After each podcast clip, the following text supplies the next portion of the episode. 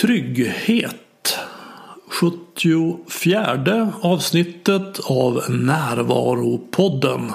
En samlande kraft mot tankarnas terrorism.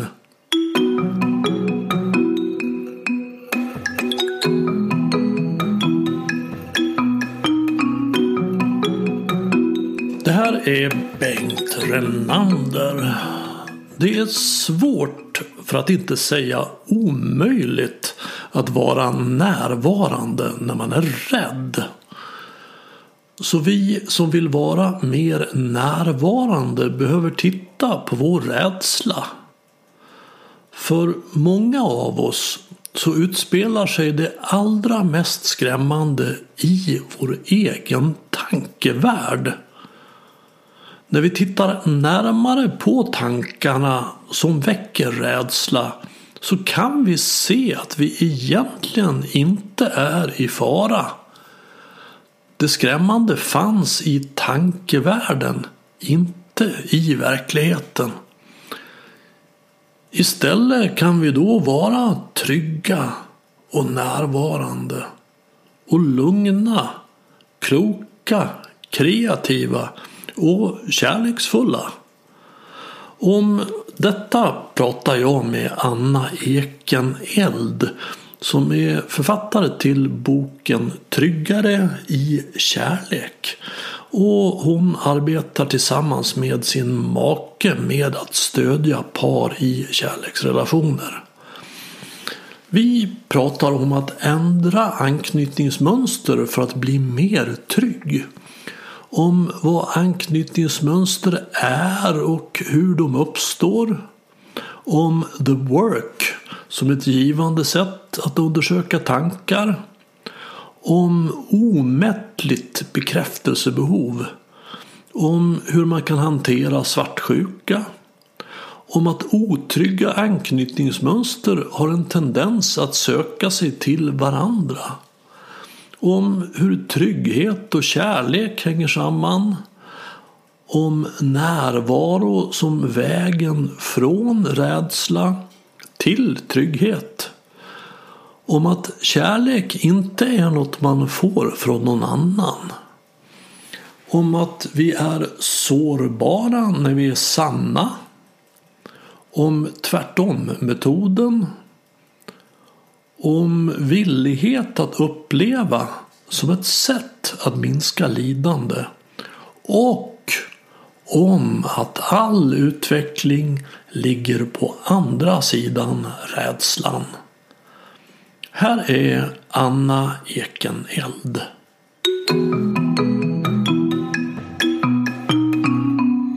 Jag skulle beskriva mig som en person som är väldigt nyfiken på livet och de här stora livsfrågorna. Varför är vi här och vad är det att vara människa? Vad är meningen med det här livet och med döden och kärleken? Mm. Hur kan vi förhålla oss till varandra på ett fint och kärleksfullt och positivt välgörande sätt? Mm. Jag har mediterat i ungefär 13 år och intresserat mig mycket för frågor kring närvaro och acceptans och gått många kurser och retreats och så Bland annat har jag varit eh, ett antal veckor på Zen meditationscenter i södra Indien och gjort sån här eh, tyst eh, tio dagars vipassana-kurs och utbildat mig till mindfulness-instruktör. Och trots det så är det ju verkligen livslångt lärande och mm. många dagar kan jag känna att oj, oj, nu är jag, nu är jag inte närvarande nästan mm. alls här. Mm. Men jag, jag har det verkligen som en intention och något som känns viktigare för mig än de flesta yttre mål, eller alla yttre mål skulle jag nog kunna säga att ska jag nå det här jobbet eller de här försäljningssiffrorna med någon bok eller det här, det här nya boendet eller vad det nu är. Att jag, jag har märkt att det där är i mitt inre, att det påverkar mig så mycket mer. Och det jag gör om dagarna kanske också är av intresse. Mm. Då driver jag en verksamhet som heter Bättre relationer som jag har startat tillsammans med min make. Och vi jobbar med friskvård för par, brukar vi kalla det. Mm. Och det är inte parterapi, vi är inte terapeuter eller psykologer någon av oss. Mm. Utan just jobba med det, det friska och det positiva. Mm. Så vi vill inspirera att eh, ta hand om sin relation och utveckla sin relation när det fungerar någorlunda bra. Mm. Och det gör vi bland annat med onlinekurser, en app med öppna frågor. Vi har nyhetsbrev, en podd som inte är så aktiv idag. Eh, olika verktyg, guide för hur man kan prata om en konflikt som man har haft. Så smått och gott har vi mm. samlat där. Och nyligen har jag också kommit ut med en bok om anknytning. Tryggare i kärlek heter den. Mm. Ja, det, det, är ju den primära anledningen till att jag bjudit hit dig. Men, men, vi har ju många beröringspunkter du och jag. Mm. Hör jag. Och en som jag kommer att tänka på är ju den, den, det du berättade om att när man ger sig in i det här med medvetenhet och närvaro så märker man trots att man har hållit på i väldigt många år att jag är ju fortfarande uppe i tankevärlden. Och jag, jag brukar tänka att det här är inte någonting man gör och så är man färdig med det. Så är det ju med vissa saker. Utan det här är en väg att gå, inte ett mål att nå. Alltså, mm. Det är ett sätt att leva på, att jag ökar min uppmärksamhet och, den här vägen är en ganska smal väg. Mm. Så om jag inte är uppmärksam så är det väldigt lätt hänt att man trillar i diket. Om man trillar i diket då hamnar man i tankevärlden igen. Mm. Och tror att den är verklighet. Men när man går den här vägen så kommer man ju på att, att det här är, problemet är inte det jag tror är problemet. Utan problemet är att jag bara tror på mina tankar. Och då upp på vägen igen till verkligheten, till nuet. Och så trillar man i diket. Och jag har ju gått den här vägen i 20 år nu och jag trillar i diket fortfarande varje dag. Men det är ju inte alls lika ofta, lika djupt eller lika länge som det var en gång i tiden. Och det är ju jag oerhört tacksam över. Jag skulle nog tro, jag vet inte riktigt, men jag skulle nog tro att jag är närvarande huvuddelen av min dag. Alltså att jag är mer närvarande än vad jag är i tankevärlden numera. Och det är ju fantastiskt. Ja, få vara här så pass mycket och slippa gå runt i bekymmer och ältande oro. Mm. Helt fantastiskt. Ja. Jag håller verkligen med om vartenda ord du säger där Bengt. Mm. Och en tanke som kommer upp för mig också, något som jag har märkt har hänt mer hos mig på senare tid, det är att hitta acceptans även när jag faller bort från den här vägen. Att jag märker att oj, nu, nu var det oro här eller oj, nu blir jag nervös eller vad det nu kan vara och säga att okej, okay, det blev jag. Och, så att istället för att, som jag nog har varit mer tidigare när jag började på den här resan att ah, oh, ja, men nu, nu bara går jag in och inte alls närvarande och stressar upp mig över det här och ja, jag blir distraherad och så. Men om jag då kan komma in att okej, okay, att alla känslorna får plats och det blir som ett sätt att den här delen, jag tror du har uttryckt det på liknande sätt inom podd tidigare, att den delen i mig som kan iaktta rädslan är inte rädd. Så då finns den där också. Och kan jag komma i kontakt med den, då är det något helt annat som händer inom mig. Rädslan kanske inte försvinner direkt, men det, det är okej och den tar inte över mig mm. helt och hållet. Och då blir jag också friare i att välja hur jag ska agera. Då behöver den inte styra mig helt och hållet. Mm, nej, jag, jag brukar verkligen tänka som du säger att, att okej okay är liksom mm. att, att i en biograf, när man sitter i en biograf och det blir läskigt i film så finns det en nödutgång. Det står ut mm. på den dörren. Ut, nöd. när man befinner sig i ett tankedrama som är läskigt så finns det en nödutgång där det står okej. Okay. Mm. Att jag inte är emot det som är. För jag menar, jag är människa. Jag kommer och... Alltså det, jävlar vad du håller på. Men om jag kan säga okej okay till det så matar jag i alla fall inte det. Mm. Utan då, då, kan jag ju komma till det som är här. Och säga att ja, jag är människa, jag håller på med det här, jag är fullständigt tokiga. För den som vet att jag är tokig, den är ju klok. Mm. Och, och, det är ju det här vittnet som vi pratar om i så många olika sammanhang. Jag gör det som jag kallar för självet. Ja. Något som kan hjälpa mig också, det är att uppmärksamma att när det är någon rädsla eller stress eller oro eller ilska, de flesta av de här känslorna som inte är i närvaro och harmoni. Mm. Att det är alltid någon dåtid eller framtid som är inblandad. Mm. Om jag ser ett födelsemärke på armen och så tänker jag att oj hjälp, tänk om det är någon farlig sjukdom det här. Då är det för att eh, jag tar in framtiden, vad som kan hända sen och vilken smärta som jag kanske behöver uppleva om det här skulle visa sig vara något farligt. Men det är just när jag ser födelsemärket, det är inte ont någonstans. Nej. Det är inte farligt i stunden. Men det är våra tankar som, som skapar scenarier. Men kan jag gå tillbaka till bara just det här ögonblicket, då är det okej. Mm, till upplevelsen. Ja, Ja, för, för då, om det är dåtid och framtid inblandat då vet jag att det är tankevärld. För att det finns, framtiden och dåtiden finns bara i tankevärlden. Finns inte i verkligheten. Vi kan aldrig se det förflutna, eller höra eller känna. Utan eh, när vi går till våra upplevelser då är vi ju i nuet. Men framtid och förflutet det finns bara i tankevärlden. ja visst. Har du testat på The Work av Byron Katie, Bengt? Mm, det har jag gjort. Ja, ja. Jag tycker för mig är det också ett eh, väldigt eh, hjälpsamt sätt att och just uppmärksamma det här. Vad är det som mina tankar skapar? Ja, vill du berätta Och lite vad- om det? Ja, det Ja. kan jag visst göra. Så The Work det är en metod för att eh, undersöka tankar. Det är lätt att när det kommer en tanke så skapar det olika förnimmelser i min kropp och det är bilder från dåtid och möjlig framtid som dyker upp och så. Och så känns det på något visst sätt. Men det behöver inte betyda att tanken är sann för det. Men många gånger om jag inte undersöker den så kan det bara kännas i mig som att den är sann. Så att om jag har en tanke om att jag ska vara på dejt i helgen och det kommer inte gå bra, det kommer bli som alla dejter har varit Ja. tidigare. Så är det en tanke. Exakt. Ja. Som jag ska ta ett exempel. Säg att jag har varit på en dejt. Och så kände jag efteråt att ja, nej, men det gick nog inget vidare. Och min dejt här, han, han tyckte jag var tråkig. Så det är min tanke. Och om jag använder the work då är det fyra olika frågor som ja, jag har till min hjälp. Och den första frågan är, är det sant? Så han tyckte jag var tråkig. Är det sant? Ja, svarade jag. Jo, men det, han gäspade och nej, jag ville gå lite tidigare. Och, mm, det är sant. Så ja blir mitt första svar och det kan vara ja eller nej. Bara de två alternativen. Ja eller nej. Och så är det en meditativ process det här. Det är lätt att tankarna bara snurrar till det. Men när jag svarar på frågorna så gärna stannar jag upp ett tag och, och hittar det här jaet eller nejet i mig. Mm. Och då är det dags för nästa fråga, fråga nummer två. Och det är, kan jag vara helt säker på att det är sant? Så kan jag vara helt hundraprocentigt säker på att han tyckte att jag var tråkig?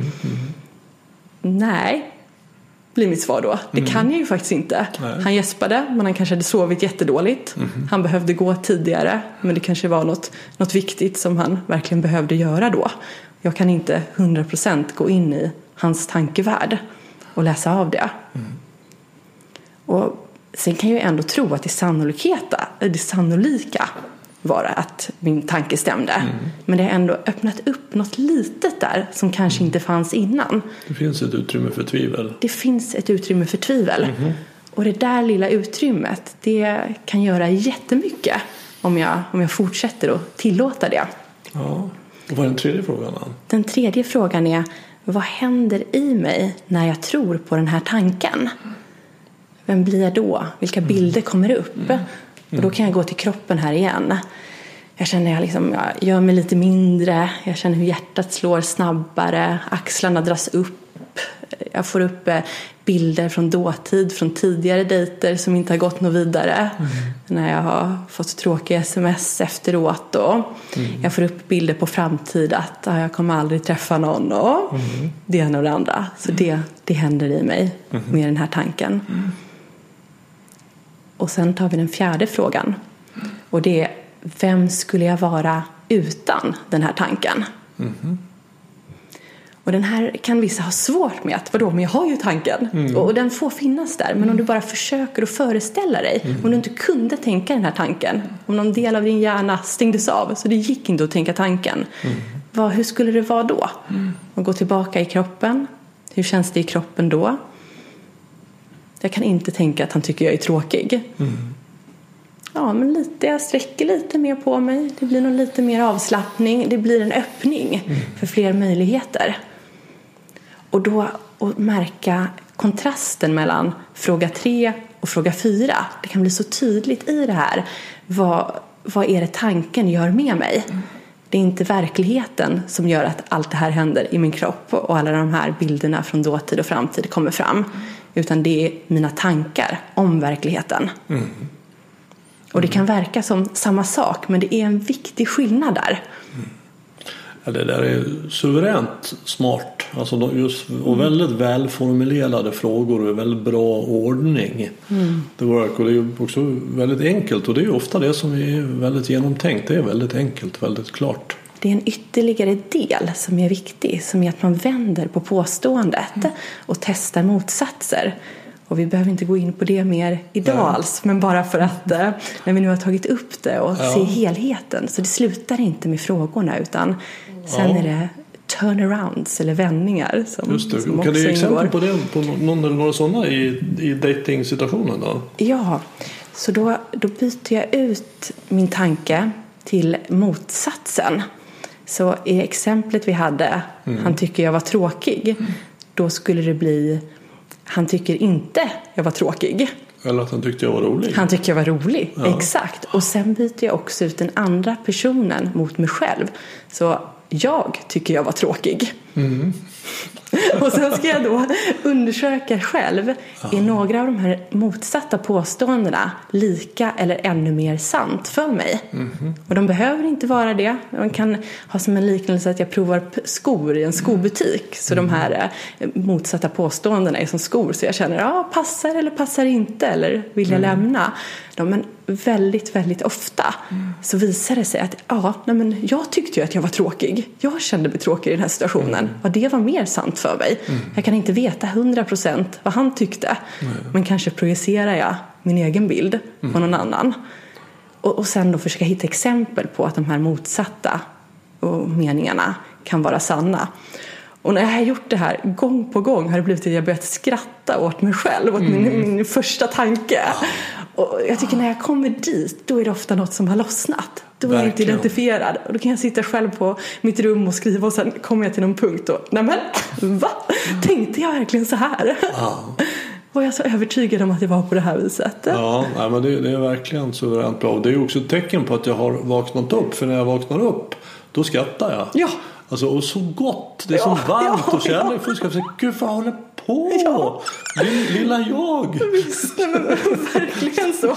Nej, ja. Kom. Ja. Så det finns en varm och vaken humor där. Ja. Vaken. Och, och, när jag är insomnad i den här mardrömmen är det så fruktansvärt. Mm. Jag är så mm. ensam ja. och så tråkig. Ja, och visst. Och alla tycker det och så kommer det vara för all mm. framtid. Och, ja. Verkligen. Mm. Men eh, låt oss gå in på lite grann om anknytning som, som ju din nya bok Tryggare i kärlek handlar om. Jag gjorde ett avsnitt för inte så länge sedan med Pauli Barsen om anknytning och då pratade vi mest om hur anknytningsproblem uppstår i barndomen. Mm. Och din bok handlar mycket om faktiskt vad man som vuxen kan göra om man upptäcker att man har anknytningsproblem. Exakt, det stämmer. Så mm. fokuset i boken är egentligen hur anknytningen påverkar min kärleksrelationer. Och specifikt den otrygga ambivalenta anknytningen är det jag har haft fokus på. Du ska vi säga någonting om, om, om anknytning bara lite mer generellt? Vad, vad, vad handlar det om? Och hur, hur uppstår det? Och ja. Vi kan hjälpas åt. Du, mm, du, ja, du kan väl börja? Absolut, ja. Så anknytning i barndomen det kan beskrivas som en strategi att maximera närheten till sina anknytningspersoner, i flesta fall då sina föräldrar.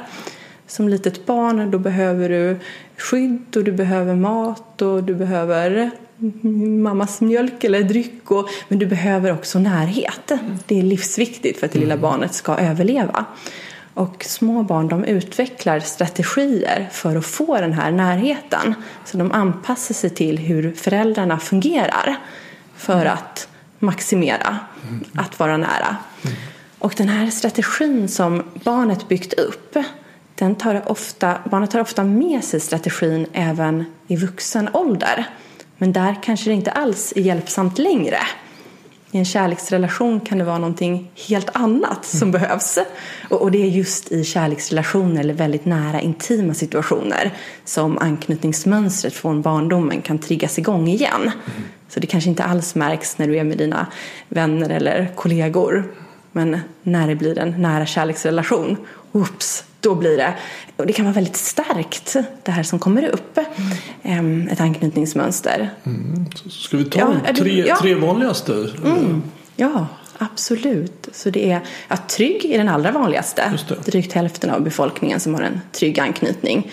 Vilket kortfattat innebär att du är bekväm både med närhet och med att vara själv. Och du har ofta lätt för att, att bygga en intim relation.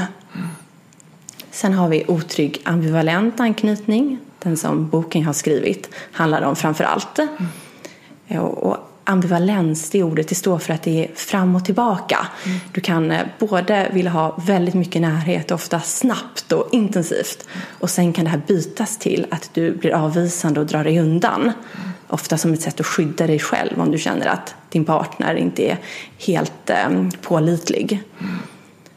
Och sen har vi den tredje som är otrygg undvikande anknytning. Och det är på många sätt motsatsen till den otrygga ambivalenta. Mm. Den undvikande anknytningen, där är det oftast mer kopplat till, eller styrt av tankar än av känslor. Mm. Och där kan det vara lättare att vara självständig och personer med den här anknytningen kan verka väldigt starka och så på ytan. Mm. Men i nära relationer är det rädsla som, som ofta uppkommer. Mm, och det är ju ofta en person då som har under sin uppväxt lärt, lärt sig att jag är älskbar för att jag klarar mig själv. Ja. Många gånger kan det vara föräldrar som har haft väldigt mycket annat att hålla på med. Så, Åh vad du är duktig som ja. klarar dig själv. Vilket innebär att ens partner undrar vad, vad har du mig till? Mm. Du verkar inte behöva mig. Och det man svårligen får ur munnen på någon med otrygg undvikande anknytning det är ju jag behöver dig. Ja. Det är ju det sista. Mm. För att, och, och, jag tycker det är rörande därför att, att den med den anknytningen tror att då kan inte du älska mig. Just det. Om jag behöver det så kan inte du älska mig. Mm. Så då kan man inte bygga upp den närhet som finns i att faktiskt ömsesidigt behöva varandra. Precis. Mm. Ja, precis som du är inne på att då är det med stor sannolikhet från barndomen att det som har mm. fungerat bäst för att få närhet till föräldrarna eller anknytningspersonerna det är att visa upp den här självständigheten. Mm. Och då är det mönster som kan bli väldigt kraftfulla. Mm. Det kan ändras genom livet och det kan vara beroende på vilken partner eller vilka personer som jag relaterar till. Vilka sidor som kommer fram hos mig. Mm. Så att det är inte så att det är kategorier som nu ska vi stoppa in dig i det här facket och du är alltid ambivalent eller alltid undvikande. Och jag, jag ser att det finns en stor risk med att göra det i allt för hög grad. Det kan mm. man göra på många sätt med olika personlighetstyper och grön och gul och blå och mm. introvert och extrovert och allt vad det är. Men det här är som en, en karta av verkligheten och är den användbar kan de här kategorierna hjälpa oss att förstå vissa mönster hos oss själva. Så absolut, använd det. Är det vissa egenskaper eller beteenden som ofta uppkommer som är vanliga för en grupp och sen finns det bra verktyg för att hantera dem. Mm. Då ser jag att då, då fyller det ett syfte. Men inte ett syfte att bara sätta etiketter på sig själv eller andra. Nej, och precis som du säger så är det viktigt att komma ihåg att, att anknytningsmönster inte är som ögonfärg, något som varar genom hela mm. livet utan det är fullt möjligt att utvecklas och ändra och att det kan vara olika olika situationer också. Så att man inte är fast mm. i sitt anknytningsmönster och det skulle jag säga att jag är ett levande bevis mm. på. Jag ja. har en väldigt mycket tryggare anknytning idag än vad jag hade för, mm. ja, för många år sedan. Ja, fantastiskt. Ja. ja. Och det finns en hel del forskning på det här också. Att det går att ändra sin anknytning. Ungefär 30 procent är det man har kunnat se. Mm. Brukar ändra det genom livet. Och, och titeln på boken jag skrivit också är Tryggare i kärlek. Just mm. hur gör jag för att, att få en ännu tryggare anknytning. Så det går, det vill ja. jag skicka med. Ja. Så ungefär hälften har en trygg anknytning och andra hälften har någon form av otrygg anknytning. Fördelar sig det ungefär lika mellan otrygga ambivalenta och otrygga undvikande? Eller? Eh, ungefär, men det är något fler otryggt undvikande. Mm. Och sen finns det också en fjärde typ som heter otrygg desorganiserad. Mm. Men det är väldigt få som är där. Men det är några procent? Det är, ja, mm. ja, under en procent har jag hört också, men det är ju svårt att mäta exakt så. Så det är ja, var gränserna går. Och det är ju då man haft en, en väldigt dysfunktionell uppväxt med Ja. ofta. Ja. Det, det, det är så pass oorganiserat så det är svårt att beskriva exakt hur sånt beteende ser ut. Men, men det är ju i alla fall dysfunktionellt. För, för man kan väl säga så här, jag, jag brukar tänka det när det kommer någon till mig som är över 30, singel och ser bra ut och talar sammanhängande och, och inte får ihop en relation så är, så är min första sak att undersöka är hur, hur ser det ut med anknytningen här? För att, att de med trygg anknytning de skaffar sig någon form av, de är ju i relationer eftersom det inte är så svårt för dem. Men har man ett otryggt anknytningsmönster så är det ju väldigt svårt. Ja, det kan det verkligen vara. Mm. Det kan bli mycket utmaningar som kommer kopplat till anknytningen. Och hur ser det ut för en otryggt ambivalenta då? Vad är kännetecknande för den? Vanliga kännetecken där, det är osäkerhet på om partnerns kärlek verkligen är äkta. Så även om min partner säger till mig gång på gång att jag älskar dig och jag vill vara med dig så, så litar jag inte riktigt på det. Någonting i mig känner att äh, kan det verkligen vara så? Även om det är så just nu så kanske han snart kommer tröttna. Som Så- en minut senare så blir det älskar du mig fortfarande? Ja, ja och det kan leda till mycket bekräftelsebehov. Det kan också leda till en hel del svartsjuka, ja, nära till svartsjukan. Ja, säg mer om det. Ja, Du skriver en hel del om det i boken. exakt. Jag har ett helt avsnitt kring svartsjuka och också olika punkter hur man kan göra för att hantera svartsjukan. Ja. kommer från en psykologiprofessor som heter Robert Lee som har skrivit boken The Jealousy Cure. kan jag också rekommendera. Ja. Eh, men, Så, så ja. varför är det här anknytningsmönstret då mer benägen till svartsjuka? Ja, så har jag en grundinställning att de jag älskar, de jag har närmast, de kan försvinna. Som litet barn, de som har utvecklat en otrygg ambivalent anknytning, då har det oftast varit så att föräldrarna har funnits där ibland och gett närvaro och gett närhet. Men sen ibland har de inte kunnat eller orkat. Så jag har fått lära mig att de som, som jag verkligen behöver ha nära mig, de kan när som helst försvinna. Och finns det i mig, då blir det väldigt lätt att jag checkar av hela tiden. Vad gör min partner? Och letar efter tecken på att hen kanske inte kommer vara där eller verkligen vill vara med mig. Så det är en bra grogrund för svartsjuka. Och har det väl startat, då är det lätt att jag börjar med beteenden som förstärker. Att jag blir mer kontrollerande och att jag letar efter olika signaler på att det, ja, Och den som söker skall finna. Ja, ja, visst.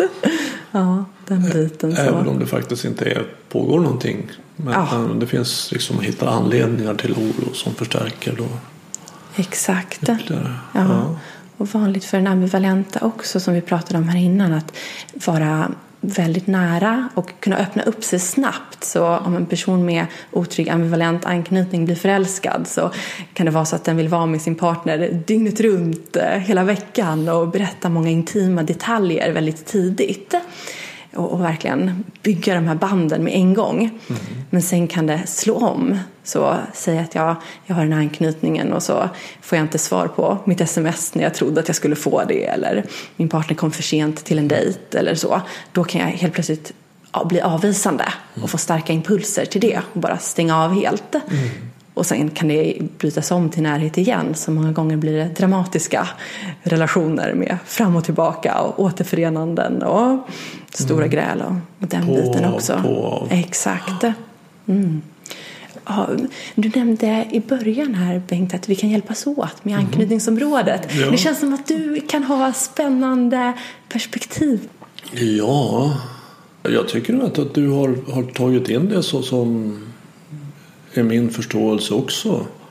Att det handlar om, i grunden om barnets behov av kärlek eftersom kärlek är ett överlevnadsvillkor för ett barn. Och barn är ju väldigt duktiga på att räkna ut Dels vad vill de här två ha för föräldrar om det är två eh, ha för barn. Så blir man det barnet för att kunna få den här kärleken. Och också att anpassa sig. Alltså för, för ett barn är det ju inte möjligt att, att dra gränser för sina föräldrar och säga Gud vad ni håller på. Alltså om inte ni skärper er nu så får ni flytta för att då ska jag få andra föräldrar. Utan barnet är ju hela tiden att, att alltså hur kan jag anpassa mig till den här situationen? Så växer man upp i en, i en dysfunktionell miljö så kommer man ju ut väldigt välanpassad till en dysfunktionell relation, dysfunktionella relationer och känner igen det som bekant. Så att, att eh, det är väl så också att man, man, man kan söka upp det som egentligen man inte vill ha. Alltså om man är ambivalent, för kan du säga någonting mer om det kanske? Om man är ambivalent har man en tendens att söka sig till exempel då till en, en otrygg, undvikande. Ja, det stämmer. Så det är väldigt vanligt att eh, just de här två olika otrygga anknytningstyperna attraheras av varandra och blir ett par. Och vad det beror på det kan vara svårt att helt säga men en teori är att jag söker det jag själv saknar så har jag mycket, är jag mycket känslostyrd som ambivalent då tycker jag det är jätteskönt med någon som inte är lika känslostyrd utan en mer otrygg undvikande anknytning som är mer rationell och mm. låter tankarna få avgöra.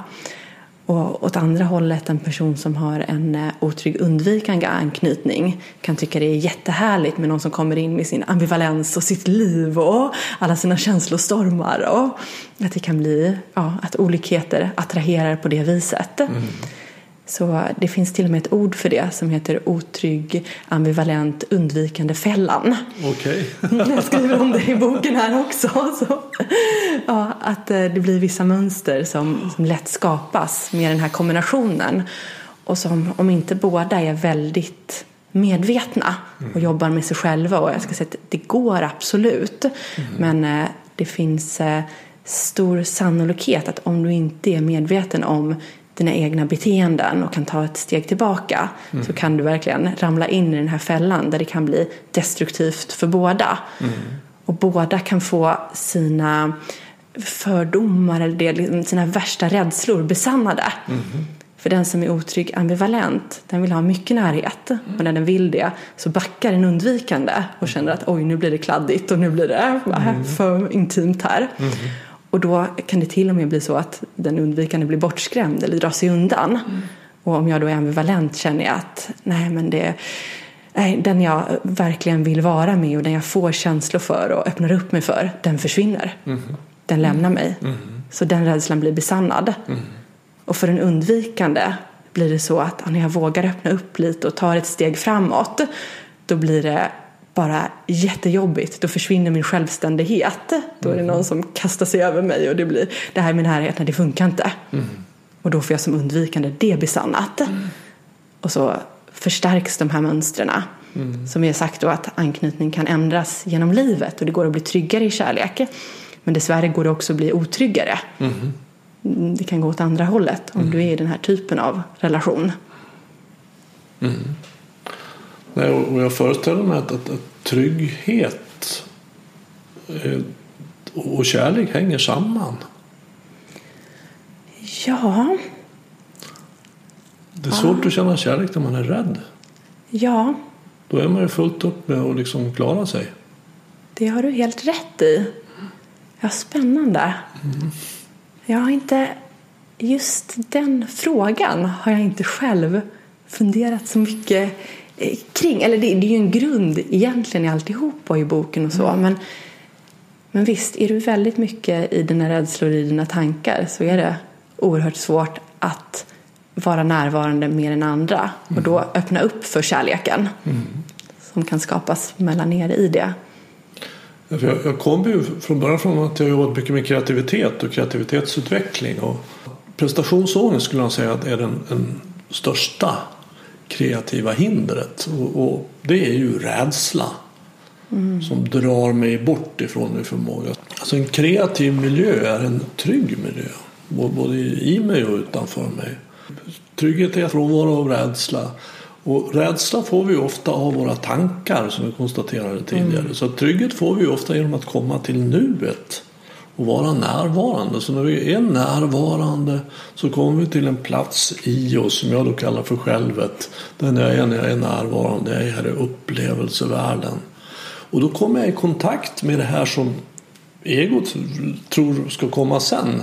Men jag kan komma i kontakt med det direkt nu, nämligen kreativitet, visdom, frid, kärlek mm. och humor som vi också pratar om. Mm. De är fantastiskt fina kvaliteter men som jag kommer till i närvaro.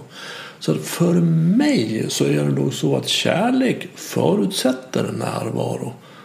Mm. Alltså utan närvaro ingen kärlek. Jag skulle säga att kärlek är det som uppstår i mötet mellan två som är närvarande. Och det kan faktiskt vara ett träd och en människa mm. eller en hund och en mm. människa. För de, allt i naturen är ju helt närvarande. Ja. Så det är väldigt lätt att uppleva kärlek där. Ja. Men när vi människor kan mötas i närvaro så kommer vi i kontakt med kärleken. Och det behöver inte vara den romantiska kärleken så att vi blir kära i varandra och måste bli ihop och ha sex för det. Utan det finns bara en kärlek enligt mig och det är kärleken. Mm. Och det är den upplevelse vi är i kontakt med här när vi är närvarande. Och våra anknytningsmönster drar ju bort oss ifrån vår trygghet. De är otrygga, de är rädda. Så det, det drar bort oss ifrån kärleken. Mm. Ja, jag håller helt med. Mm. Vad vackert du beskriver det Bengt. ja. Nej, men verkligen, jag kan helt skriva under på det. Mm. Eh, och jag har något i mig att jag brukar aldrig uppleva känslan av ensamhet. Nu kommer vi till ett ja, lite sidospår kanske. Mm. Men jag tänker just på det att när jag är närvarande då känner jag att då kan jag känna mig fylld av kärlek oavsett om det inte är någon annan runt omkring mig. Mm. Eller det kan vara ett träd eller en stjärnhimmel eller mm. ett levande ljus eller bara ett rum. Mm. Och jag tror verkligen att det finns en kärlek som finns inom oss alla och det är att komma i kontakt med den. Och det gör vi i närvaro.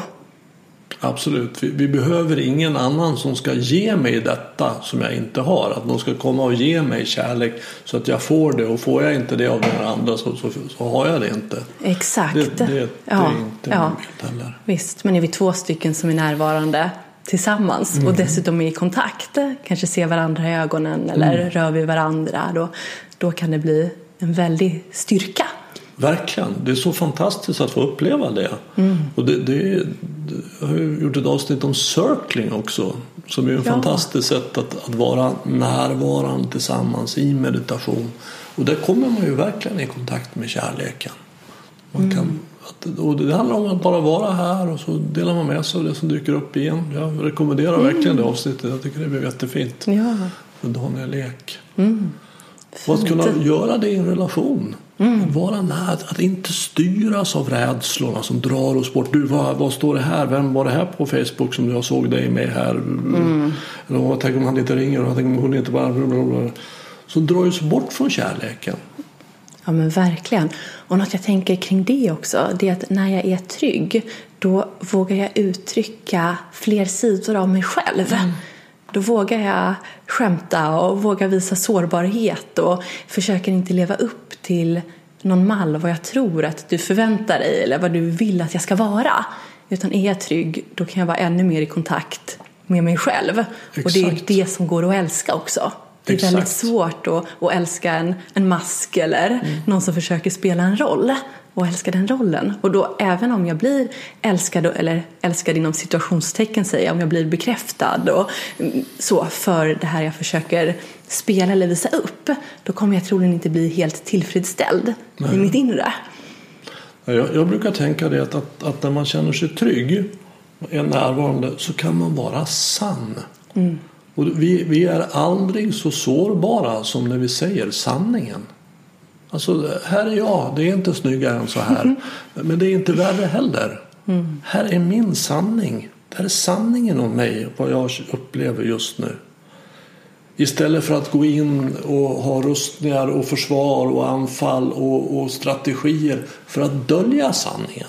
Att dra mig undan, stänga ner, sura, vara förbannad, skrika. Som ja. inte är sanningen utan istället gå till sanningen. Här är jag.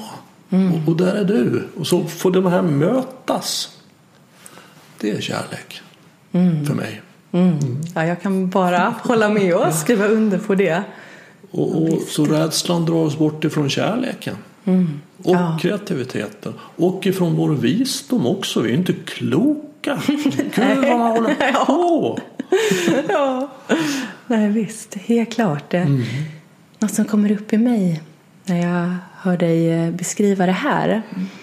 Det är vad vi också kan hålla på, vi människor, inklusive jag själv, och försöka visa upp allt det som är lyckat och ser bra ut och alla framgångar och absolut att få göra det också och vara glad över det och få dela glädje över allt som eh, är positivt i livet.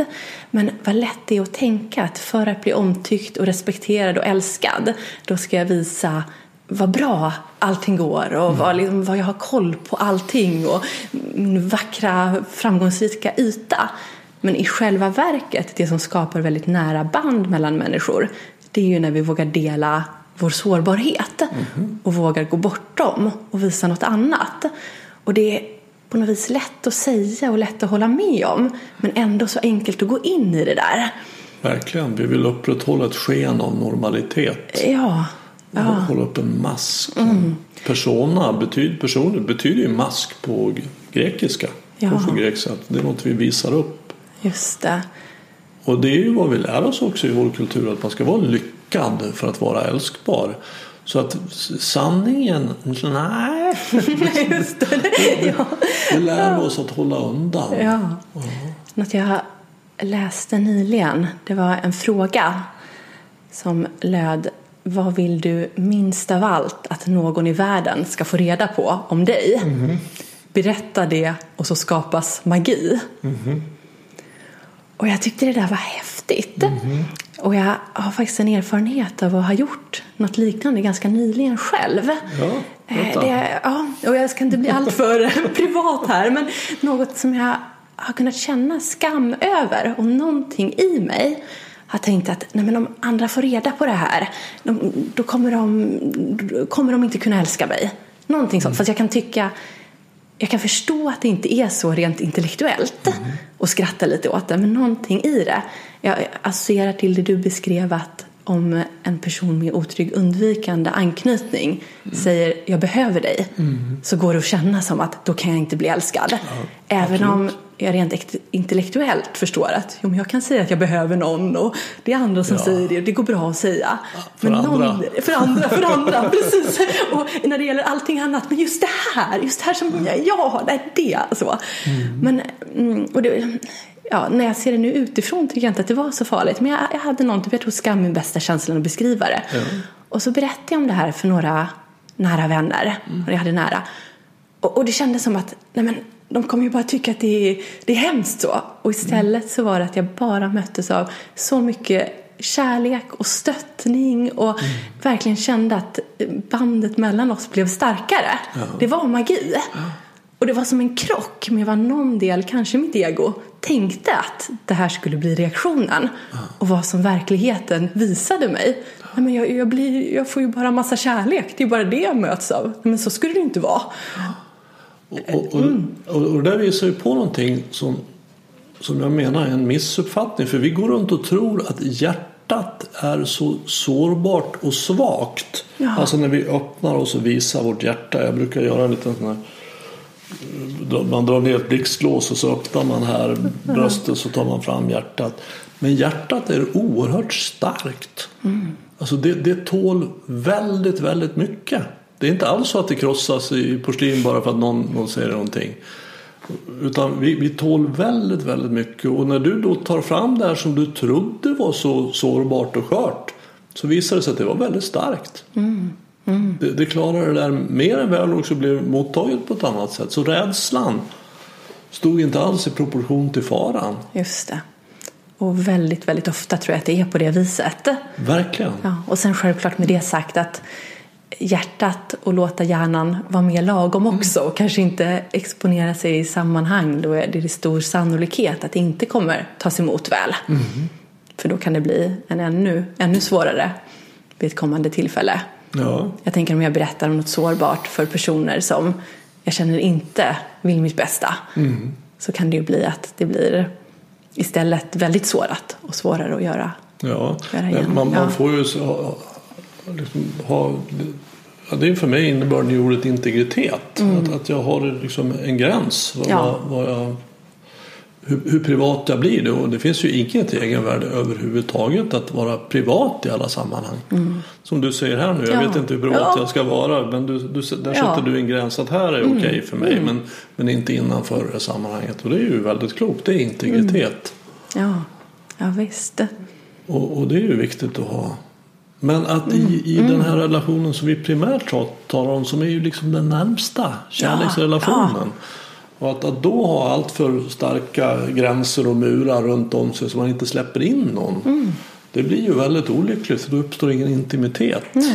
Så Psykisk intimitet och ofta så är det, det negativa återverkningar på den fysiska intimiteten också. Ja, ja verkligen. Och det är ju någonting som jag tror, jag kan säga vi alla människor någonstans har en längtan efter att mötas och att komma nära. Ja, Och det- att se ja, och få bli ja, sedd. Ja, det- vara en del, vara med, vara hållen och vara nära. Och också bli sedd i det här som kan kännas skört och ändå vara älskbar. Det är magi. Trots, att jag behöver dig. Ja, ja visst, visst det. Ja. Och det som vi pratar om nu, det för oss väldigt fint in på ett av sätten att hantera en otrygg anknytning för att bli tryggare. Och det är just att våga testa de här starka föreställningarna. Om jag känner, ja, så det finns ett namn på det här också som är tvärtom-metoden. Så att prova på att göra någonting helt annat än mitt anknytningsmönster säger till mig att jag ska göra. Ett exempel vi hade för någon som har otrygg undvikande anknytning det är ju då att prova att säga till en partner jag behöver dig. Och se vad som händer. Och det kan vara hur läskigt och hur obehagligt som helst. Men om du lyckas göra det och så märker du att din partner svarar jag behöver dig också. Och så får du en, eh, en vacker kärleksfull blick och en omfamning. Och så, så kan det hända något i hjärnan. Att ja, men, oj, det gick. Jag, jag trodde att det skulle vara omöjligt. Jag trodde att någon skulle dra sig undan bara. Men det blev ju inte så. Och det kan ju vara inte bara med, med just då att säga att jag behöver någon utan det kan vara hur jag beter mig i alla möjliga sammanhang. Och där kan det också vara att testa på, det kan kännas som jättestort att säga något sånt här men börja i det lilla. Men att sådana beteenden som inte är gynnsamma om jag vill skapa en nära kärleksfull relation. Hur kan jag identifiera dem och testa och göra precis tvärtom. Det kan ju vara lätt när jag bara säger det så här och jag kan skriva ner på ett papper att vad brukar jag göra? Jag brukar säga att jag inte vill ses igen efter första dejten. Vad kan jag göra istället? Jag kan bestämma mig för att gå på en till dejt. Så. Men det som sen är det riktigt svåra i det, det är att stå ut med alla jobbiga känslor och tankar som med största sannolikhet uppkommer när du gör det här. Mm, nej, för beteendet handlar ju om att, att slippa känna vissa saker. Så att det, i den bemärkelsen så är det ju en form av missbrukarbeteende. Alltså att jag flyr ifrån mitt eget känsloliv på något sätt.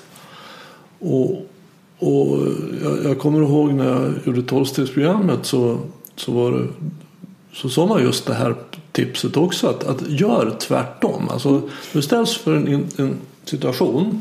Tänk efter vad, du, vad din spontana sätt att hantera den situationen. Och så gör du tvärtom. Så hamnar du förmodligen mer rätt. ja, vad roligt. Ja, just det. Ja, och, det, och det är inte så dumt alltså. det, det, för att det är ju definitivt i alla fall så att om jag gör på ett visst sätt och, och jag får samma utfall gång efter gång efter gång. Att prova att fortsätta med samma sätt är ju sinnessjukt. Ja. Alltså den som har en nyckel i handen och provar den i låset och, och fortsätter efter att den tredje gången inte har passat. Den har ju någon, det är ju någonting där som inte är riktigt rätt då. Men det var, där, det var ändå någonting som funkade. För när jag ställde in den här dejten för tjugonde gången. Då, det som hände var att jag fick känslan av jag kan andas ut. Nu försvinner den här jobbiga nervositeten. Exakt. Så att jag får ju en belöning. Men jag är inne på vad, vad du säger. Men det funkar för att jag slipper känna. Så på Absolut. det viset funkar det. Absolut, men, Men då, mm. på, på samma sätt som det funkar med ett glas vin Ja, eller exakt, en exakt. flaska vin. Precis. Att, att jag slipper känna Ja. det där. Men, men det löser ju inte problemet. Exakt. Em, inte det problemet som är på lång sikt, det som verkligen är viktigt för mig. Det har jag som en övning i boken också. Tänka igenom vad är mina värderingsstyrda målsättningar? Det som känns viktigt för mig själv på riktigt. Och hur kan jag ställa det emot vinsten av att slippa känna obehagliga känslor på kort sikt? Som du säger, ett glas vin kan funka utmärkt för det. Just det, just det. Eller att inte gå på någon dejt eller ja, vad det nu är. Kan du säga, så, så vi blir lite mer konkreta, Ja. vad, vad, vad har du för värderingsstyrda målsättningar? Ja, Om, om inte det blir för privat. ja, ja, ja. Eller kan du ge Eh, exempel exakt. på det? Ja, men jag kan ge exempel som Ja. eh, kan vara att eh, bygga en långsiktig, stabil, kärleksfull relation med en partner.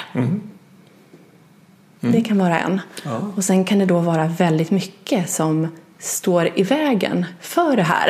Mm. Men som på kortare sikt kan göra att det känns skönare och enklare för mig. Mm. Och, så det, Det- i ja. grunden handlar det om att avstå ifrån en omedelbar belöning för att kunna få en ännu bättre belöning på längre sikt. Ja, så går det att uttrycka det. Absolut. Och, och då tänker jag på marshmallow-effekten. Ja. Där man nu lät barn i 5-6 års Mm. ålder få Sätter in en amerikansk studie och sätter, sätter de i drömmen marshmallow framför dem. Mm. Och så att du får äta den här marshmallowen. Det är helt okej. Men om du väntar i fem minuter så får du två. Då får du en till. Sen gick de ut och så filmade de här barnen. Och Du har sett de filmerna. De är väldigt Ja, roliga hur de frestas där. Och, Oh, vill. och vissa, vissa barn kan ju inte motstå den här omedelbara Mm, belöningen så de äter marshmallows och det är helt okej. Eh, Och andra väntar då och får marshmallows till. Och sen har de ju följt upp det här. Nu, nu är det här en lite kontroversiell studie så vitt jag förstår. Men, men, men uppföljningen de följer upp de här barnen i, genom hela livet och ser vad de får för framgång. Och det finns en solklar koppling mellan de som kunde vänta. Att inte tog den här omedelbara kortsiktiga belöningen. eh, Och framgång i livet. Ja, just det.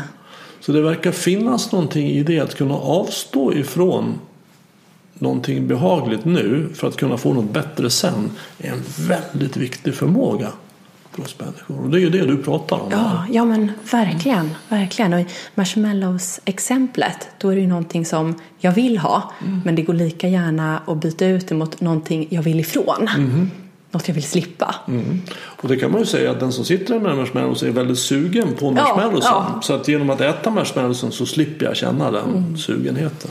Visst. Men att kunna vara kvar med det suget. Ja, Och då kan vi i och för sig fråga sig, är det bättre att äta två marshmallows? Det är inte speciellt Sen, nyttigt. exakt, om vi tar just det exemplet. Men Ja.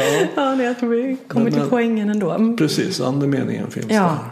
Ja, visst. Och där kommer närvaro och acceptans in. Mhm. För där är det, okej, jag är närvarande, jag känner det här suget. Mm. Jag känner viljan att äta marshmallowsen. Exakt, villigheten att känna det jag känner. Exakt. Och ja, acceptera, det är ju med villigheten Mm. också. Och det är en ytterligare övning som jag kan nämna från boken Mhm. som heter Hitta mening med det jobbiga. Och där ingår det också att eh, visualisera, se framför mig, en villighetsmätare. Mm. En mätare som är hur mycket smärta är det i den här situationen. Mhm. Och sen vilken villighet har jag att möta den här smärtan. Mhm. Det här finns även i boken Hemligheten. Och det finns forskning på att den här enkla övningen att det funkar även för att hantera fysisk smärta ännu bättre. För många gånger är det det här att vi jag, jag kan inte acceptera att det ska kännas på det här viset och då gör jag mer eller mindre vad som helst för att komma ifrån det. Även om det jag gör för att komma ifrån det inte är det som tar mig dit jag vill på riktigt i mitt liv. Alltså att, att minska motståndet så mycket som möjligt. Ja, ja. Jag, jag tänker på en formel som som jag tycker är bra och det är smärta gånger motstånd är lika med lidande. ja verkligen.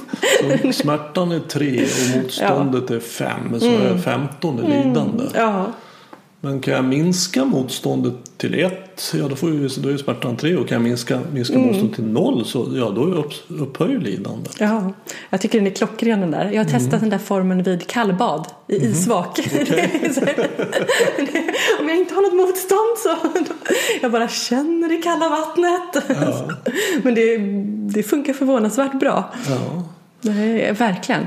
Ja, Det för att- motståndet, ja.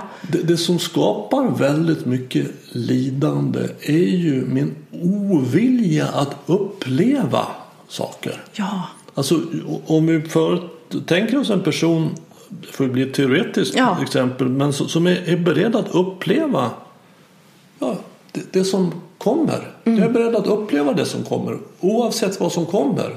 Den personen har ju noll i lidande. Och ju mindre jag är beredd att uppleva, jag vill inte känna det där, jag vill inte vara med om det här, det här får inte hända, de får inte säga så, det här får inte vara med. Desto mer lidande kommer jag ha. Ja, men visst är det så. Och det här att känslor och tankar i sig, i sin rena form, kan inte skada mig. Men det jag kan göra för att försöka bli av med känslorna och tankarna, det kan vara väldigt skadligt. Absolut, det är inte farligt att känna. Nej, nej. Men mycket av det vi gör för att slippa känna är livsfarligt. Exakt, Skjuta verkligen i sig så. heroin Ja, och kasta sig ut från stup. Ja, ja. Och, och sen med det sagt så vill jag också föra in perspektivet att tankar och känslor de finns ju också här för att hjälpa oss ur ett biologiskt evolutionärt perspektiv. De vill hjälpa oss att överleva. Så det kan vara lätt eh, om jag går till mig själv och tänker att ah, men varför ska jag känna oro för det här eller rädsla för det här eller så. Men att tänka att ja, men det, de här tankarna de vill mig ändå väl. De vill att jag ska överleva. Och sen kanske de inte behövs i det sammanhanget där jag är nu. De skulle vara jättehjälpsamma på savannen. Men äm, att inte ha motstånd heller mot att de kommer. Och på samma sätt som vi kan säga med anknytning att om jag har med mig ett otryggt anknytningsmönster som vuxen om jag kan tänka att ah, varför har jag det här och vad det ställer till massa problem för mig i relationer och varför kommer den här svartsjukan och det ena och det andra men att det här mönstret det var hjälpsamt när jag var liten det var därför det skapades så det finns av en anledning det kommer inte bara för att förstöra livet och relationerna för oss utan det har haft en funktion. Ja, absolut. Så är det ju. Men idag står ju i allmänhet inte rädslan alls i proportion till faran. Det är inte alls så farligt att vara jag. Som, som mina tankar säger och som, som jag är rädd egentligen. Utan vi, vi lever ju i en väldigt trygg värld på det stora hela. Ja, I verkligen. alla fall vi i Sverige Ja, här. visst. Men våra tankar har förmåga att skapa alla möjliga scenarier som gör att kan ta bort oss från, från närvaron, från kärleken, från möjligheten att, att njuta av allt det fantastiska som är omkring oss. Ja, och ha en relation. Ja, ja, ja nej, nej. Om- Om vi tänker att det finns någon lyssnare här nu som, som känner att jag, jag, jag har nog ett, ett, ett otryggt anknytningsmönster. Jag kanske har otrygga ambivalenta anknytningsmönster. Vad, vad, vad, vad gör man då? Vad, vad råder en sån människa? Ja, så det finns egentligen tre sätt som går att använda för att jobba med en otrygg anknytning. Och en är att skaffa en trygg partner. Om du är singel idag och har möjlighet att, välja. Då har forskning visat att har du ett otryggt anknytningsmönster och under längre tid är tillsammans med någon som är trygg så brukar det trygga smitta över eller smitta av sig. Så över tid så kommer du automatiskt bli mer trygg. Och du kommer då få erfarenhet efter erfarenhet att den här personen finns där. Det går bra att öppna upp sig. Och du kan också bli inspirerad av hur, hur den trygga partnern beter sig i olika lägen.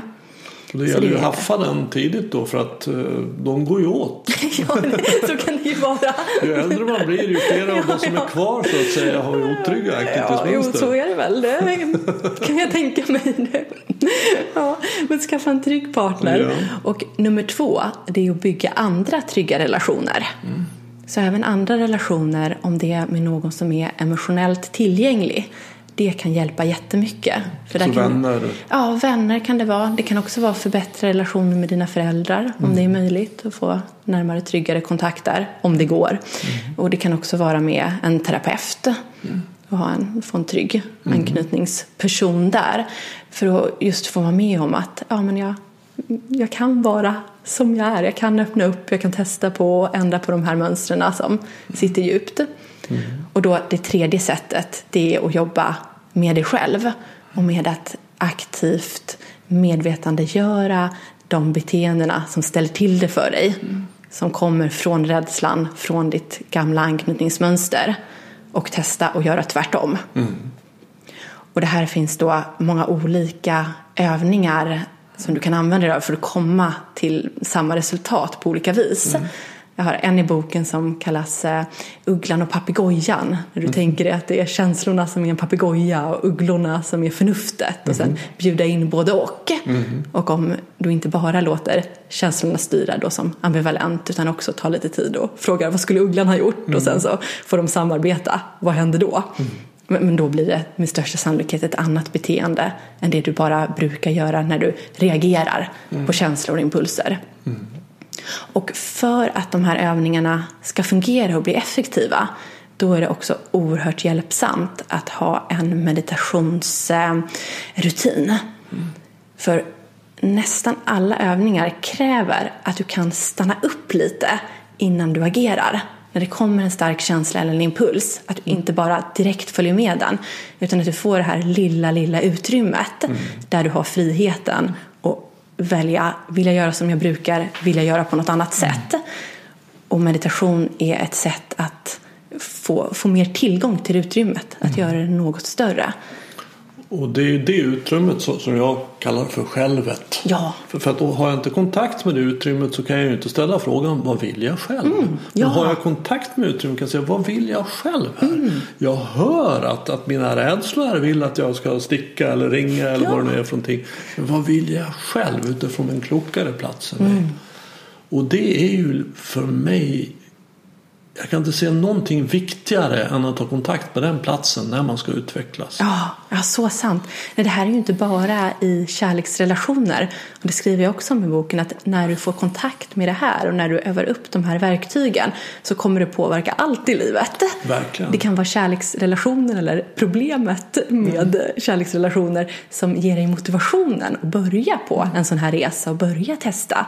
Men det stannar inte där, för det är någonting i dig mm. som påverkas. Ja, därför jag hör att det du beskriver om att hur man kan gå ur en, en otrygg anknytning det, det påminner väldigt, väldigt mycket om hur man kan gå ur ett missbruk. Mm.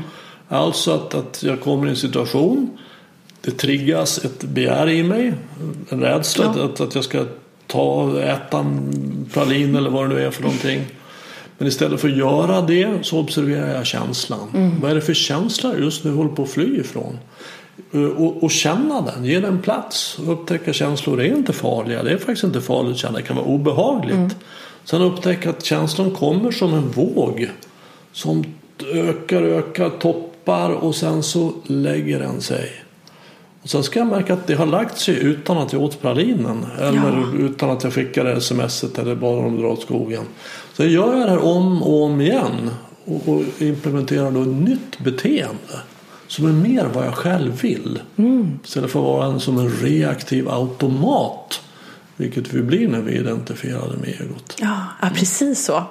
Mm, ja, verkligen mycket likheter. Mm, verkligen. Eh, ja, och samma grund skulle jag säga. Och just det här att acceptera att känna det jag känner. Ja. Och vara i det och låta det passera. Kanske vi skulle kunna gå så långt till och med att, att säga att det här är en sorts formel för all utveckling. Att utvecklingen finns på andra sidan rädslan. Mm. Jag behöver vara beredd att känna rädsla och gå igenom den för att komma ut på andra sidan som en utvecklad människa. Mm. Okej. Okay. Stort tack för att du kom hit. Tack så mycket. Om du vill veta mer om Annas arbete, köpa hennes bok Tryggare i kärlek eller komma i kontakt med henne så finns en länk till hennes hemsida i anslutning till det här avsnittet på min hemsida renander.nu. Jag gör Närvaropodden för att sprida kunskap om hur medvetenhet och närvaro kan hjälpa oss Att sluta terrorisera oss själva och andra med tankar. Om du vill stödja podden Hjälp till att sprida den genom att tipsa om den till vänner och bekanta. Det är också hjälpsamt om du betygsätter och skriver kommentarer på iTunes. Vill du veta mer om hur du kan bli mer medveten och närvarande? Köp min senaste bok Stoppa tankarnas terrorism. Boken har fått många positiva omdömen som tydlig, klar, enkel och väldigt användbar. Att du dessutom stödjer mig i det här arbetet är en positiv bieffekt. Enklast köper du boken via hemsidan renander.nu och jag signerar den gärna om du vill. Har du något ämne eller person som du tycker skulle passa här i Närvaropodden? Tveka inte att kontakta mig. Enklast gör du det via kontaktformuläret på hemsidan renander.nu. Desto fler vi är som är vakna i verkligheten, ju mer kan vi förändra den på riktigt. På återhörande. Och du, var uppmärksam.